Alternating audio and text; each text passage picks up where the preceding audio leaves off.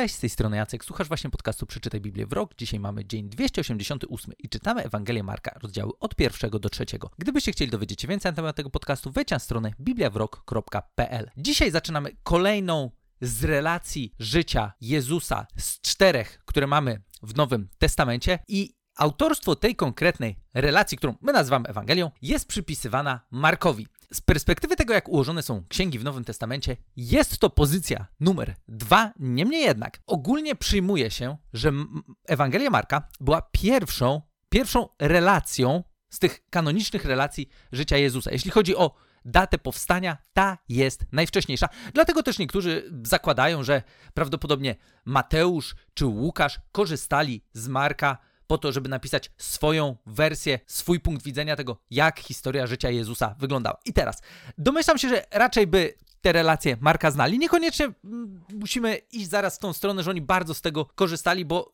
tak jak już zauważyliśmy, na przykład Mateusz kierował swoje przesłanie do bardzo konkretnej grupy odbiorców i to byli Żydzi. I teraz mamy Marka, który to z kolei kieruje swoje przesłanie do świata pogańskiego, do Rzymian. W dużej mierze. I to też sprawia, że Marek zwraca uwagę na rzeczy, na które inni nie będą zwracać uwagi, a jednocześnie bardzo dużo wydarzeń, które się dzieją zarówno u Mateusza, Marka i Łukasza, które są trzema tak zwanymi e, Ewangeliami synoptycznymi, one mają w sobie bardzo dużo podobieństw, jeśli chodzi właśnie o wydarzenia, do których się odnoszą i tak dalej. Nawet można było zrobić tak, że moglibyśmy sobie zrobić trzy kolumny i te wydarzenia po prostu listować. Tutaj jest wersja Mateusza, Marka, Łukasza i tak zrobić sobie taką listę tego, jak który z nich które wydarzenia opisał. I teraz, od razu uprzedzając tylko jedną rzecz tak na szybko, wiem, że to czasami wzbudza jakieś emocje. A patrz, ten tu napisał tak, a ten napisał tak. E, to jak to w końcu było? I wiecie, to jest trochę tak jak, nie wiem, pójdźcie na jakąś imprezę i na drugi dzień spytajcie trzech osób, jak było. Czy nie wiem, niech odniosą się do jakiegoś konkretnego wydarzenia na tej imprezie. Najprawdopodobniej każdy z was,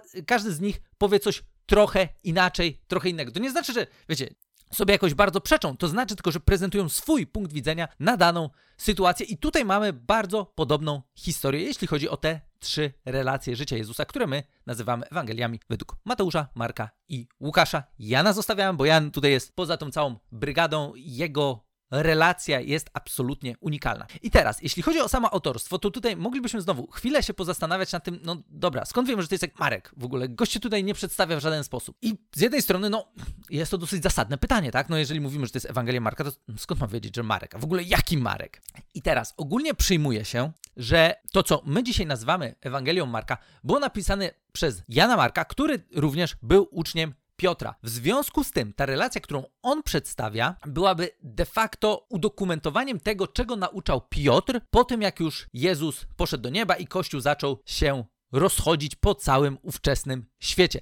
Ta dobra nowina o Jezusie zaczęła się rozprzestrzeniać po różnych miejscach Imperium Rzymskiego. No i właśnie mówię Imperium Rzymskiego dlatego, że tutaj, tak jak wspomniałem, przyjmuje się, że generalnie ten, ta relacja była skierowana właśnie do ludzi, którzy nie byli Żydami, którzy byli poganami i dlatego też tutaj na samym początku już pewnie zauważymy ogromną różnicę między chociażby Markiem a Mateuszem, że wiecie, nie ma nic za bardzo, znaczy za bardzo, tu nie ma nic o urodzeniu Jezusa, nie ma żadnych genealogii, które mamy i u Mateusza, i u Łukasza później. No, Jan jest poza tą trójką, bo zwyczajnie jego relacja wyróżnia się absolutnie na tle tych trzech, które mamy na samym początku. I teraz, znowu, gdybyście sobie zadali pytanie, to jeżeli Marek był napisany najwcześniej, to dlaczego też Marek nie jest pierwszy? Do tego odniosę się przy okazji Mateusza, to tylko tak w ramach przypomnienia, że Marek E, przepraszam, Mateusz, przez to, że jest bardzo mocno skierowany do środowiska żydowskiego i odnosi się właśnie do kwestii pro-starotestamentowych i tak dalej, jest takim niejako łącznikiem między Starym a Nowym Testamentem. Dlatego też Mateusza najprawdopodobniej mamy pierwszego. No nie, układałem kolejność, więc e, ręki nie dam, ale tak bym zgadywał, że no to brzmi jako sensowny powód, dla którego tak miałoby być. I teraz, jeśli chodzi o samego, o samo to autorstwo Marka, to generalnie przyjmuje się to, że to był Jan Marek z uwagi na to, że papiarz z Hierapolis, który jest e, świętym katolickim i prawosławnym, który był jednym z ojców apostolskich, e, był biskupem Hierapolis, e, przypisywał właśnie autorstwo Markowi, który to był uczniem Piotra. Mówię, nie będziemy za bardzo o tej postaci rozmawiać, bo można by było dobrą chwilę poświęcić na to, żeby w ogóle zobaczyć, co to był za gość, zakładając, że to był on. Ja mam takich kilka swoich osobistych spostrzeżeń, e, przemyśleń odnośnie tego, że to rzeczywiście dla mnie miałoby sens, bo tutaj mała podpowiedź, czy wskazówka, czy zachęta. Zobaczcie, co takiego Marek pisze o samym Piotrze, czy w jaki sposób do Piotra się odnosi. Tutaj są takie całkiem ciekawe rzeczy. Ja domyślam się że też, że pewnie wyjdzie tak, że w kolejnych odcinkach gdzieś tam do nich też się odniosę. Więc patrząc na to, wydaje mi się, że, że jest to trop jak najbardziej sensowny, żeby przyjąć, że jest to ów Jan Marek. I teraz, jedna rzecz, którą chciałbym przeczytać dzisiaj, znajduje się na samym początku. Mianowicie, zaczyna Marek swoją relację w następujący sposób. Taki jest początek dobrej nowiny o Jezusie Chrystusie, Synu Bożym. I teraz, kumam to, że dla większości z nas, kiedy czytamy te słowa, to tak wiecie, przelatujemy sobie przez to i w ogóle nie zwracamy za bardzo uwagi na to, co takiego tutaj się dzieje. W ogóle, no, okay, no jakby jasne, tak, no domyślam się, że to jest to, co czytam. Niemniej jednak, kiedy pomyślimy sobie o świecie, w którym ta relacja życia Jezusa była pisana, to ten fragment ma ogromne, ogromne znaczenie i on nam pokazuje właśnie po co Marek w ogóle to napisał. Bo wiecie, mówimy o świecie rzymskim, świecie, w którym cesarz jakoby miał być synem Bożym, w który totalnie chrześcijan prześladował. To były naprawdę ciężkie czasy dla pierwszego kościoła. Mówimy tutaj jeszcze o czasach Nerona, który w ogóle był kompletnym porąbańcem, jeśli chodzi o to, w jaki sposób on do chrześcijan podchodził. Ten to popełnił samobójstwo, tam później jeszcze było kilku innych generałów, którzy próbowali gdzieś tam tą władzę przejąć w jakiś sposób i generalnie mówimy tutaj o postaciach, Neron i jego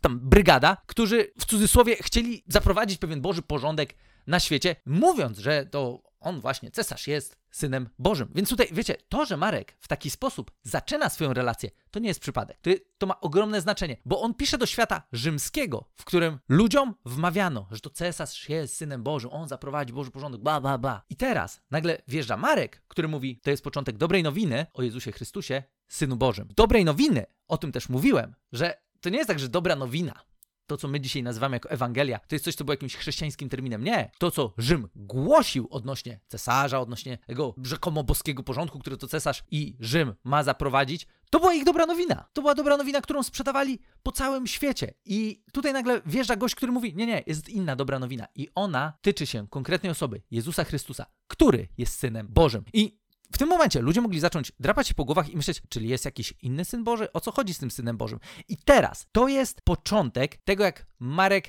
otwiera nam w ogóle całą historię. I później w zasadzie, poza tym, że odnosi się do jednego proroctwa Izajasza, to historia zaczyna się od Jana Chrzciciela. Więc tak jak już mówiłem, Generalnie pominięte tutaj jest sporo wydarzeń tych takich wcześniejszych, które są opisane zarówno u Mateusza, jak i u Łukasza. I teraz Marek w swojej relacji przedstawia Jezusa jako cudotwórcę, egzorcystę. Jest też takie określenie, które w jego konkretnej relacji się pojawia, mianowicie cierpiący sługa, co też jest związane z tym, jak Izajasz zapowiadał przyjście Mesjasza, który to miał cierpieć. No i jednocześnie Marek bardzo często odnosi się do Jezusa jako do syna człowieczego, ale nie zapominając też o tym, że jest to syn Boży, co zresztą mieliśmy tutaj na samiutkim początku. I teraz to, w jaki sposób ta relacja jest opisana, jest dosyć ciekawe, bo tak, ona jest w ogóle, poza tym, że jest najwcześniejszą napisaną, do, z czym generalnie dzisiaj większość biblistów się zgodzi, to jednocześnie jest najkrótsza to jest raptem 16 rozdziałów. Tylko, że to jest takie 16 rozdziałów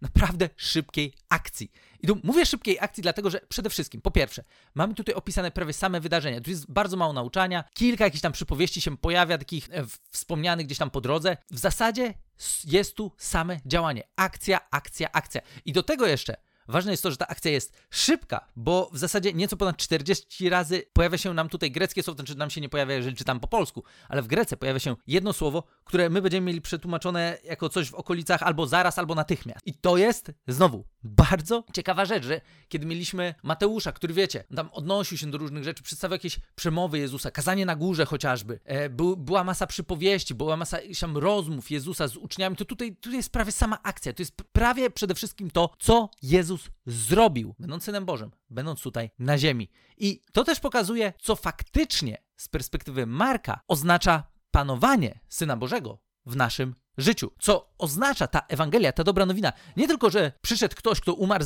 zmartwychwstał i tyle, i żyjcie sobie jak chcecie, tylko pokazał, to jest ktoś, kto ma moc czynić takie rzeczy w życiu ludzi. W życiu tych, którzy pozwolą jemu na to, żeby stał się ich panem, którzy uwierzą w to, że to on jest źródłem jedynej i prawdziwej, dobrej nowiny i to on jest osobą, której warto zaufać, której warto podporządkować swoje życie, za którą warto jest iść z całego serducha, z całej siły, z całej mocy, jak tylko możemy. W taki sposób Marek opisze nam historię osoby Jezusa, która sądzę, że będzie nam się, którą będzie nam się bardzo fajnie czytało, bo właśnie nie będziemy tutaj mieli za dużo, wiecie, rozkmin wiecie, teologicznych, przemów, kazań na górze i tych wszystkich różnych takich ważnych rzeczy, które Jezus powiedział. Tu będzie bardzo mało tego, co Jezus powiedział, będzie bardzo dużo tego, co Jezus zrobił. Akcja będzie naprawdę szybka, wartka. Przeczytamy tą relację raz, dwa i być może tutaj już po tych pierwszych rozdziałach, które mamy dzisiaj, zauważycie, że po prostu tutaj ledwo się relacja zaczyna i już jest akcja. Tu nie ma żadnych wstępów nawet, jakichś tam szczególnych, poza tym takim króciutkim na samym początku. W kilku miejscach też, kiedy będziemy czytać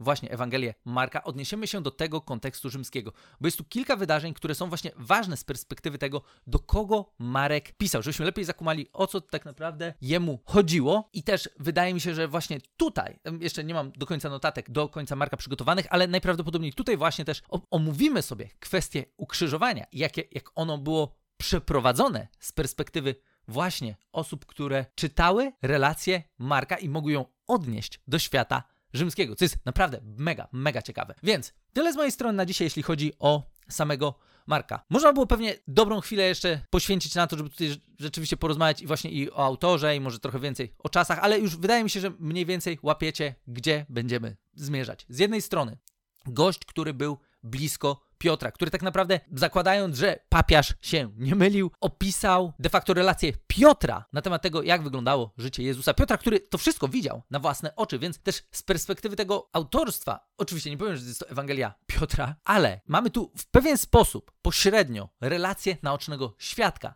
na historię życia Jezusa. I kolejna rzecz, bardzo, bardzo ważna, o której właśnie tutaj w tym odcinku sobie porozmawialiśmy, pisane to jest do Rzymian, do pogan, do ludzi, którzy nie mają tego całego żydowskiego kontekstu. Trochę tak jak do nas, którzy generalnie w większości pewnie Starego Testamentu moglibyśmy nie kojarzyć poza jakimiś tam wybranymi historiami, a takimi właśnie ludźmi, którzy wiecie, nie, nie byli tak mocno osadzeni w tej kulturze ówczesnego Izraela. Do nich właśnie kierowane jest to przesłanie. Dla nich jest napisany ten dokument. Po to, żeby oni mogli złapać to, że nie, cesarz, a Jezu jest prawdziwym Synem Bożym i może przynieść Boży porządek do życia każdego z nas, który zdecyduje się na to, aby za Jezusem iść. Gdybyście mieli jakieś dodatkowe pytania, chcieli dowiedzieć się więcej na temat czy tej historii, którą tutaj będziemy mieli u Marka, czy jakichkolwiek innych rzeczy związanych z naszą lekturą, możecie wejść na stronę bibliawrok.pl, bądź możecie też do mnie napisać na adres jacekmałpa.bibliawrok.pl.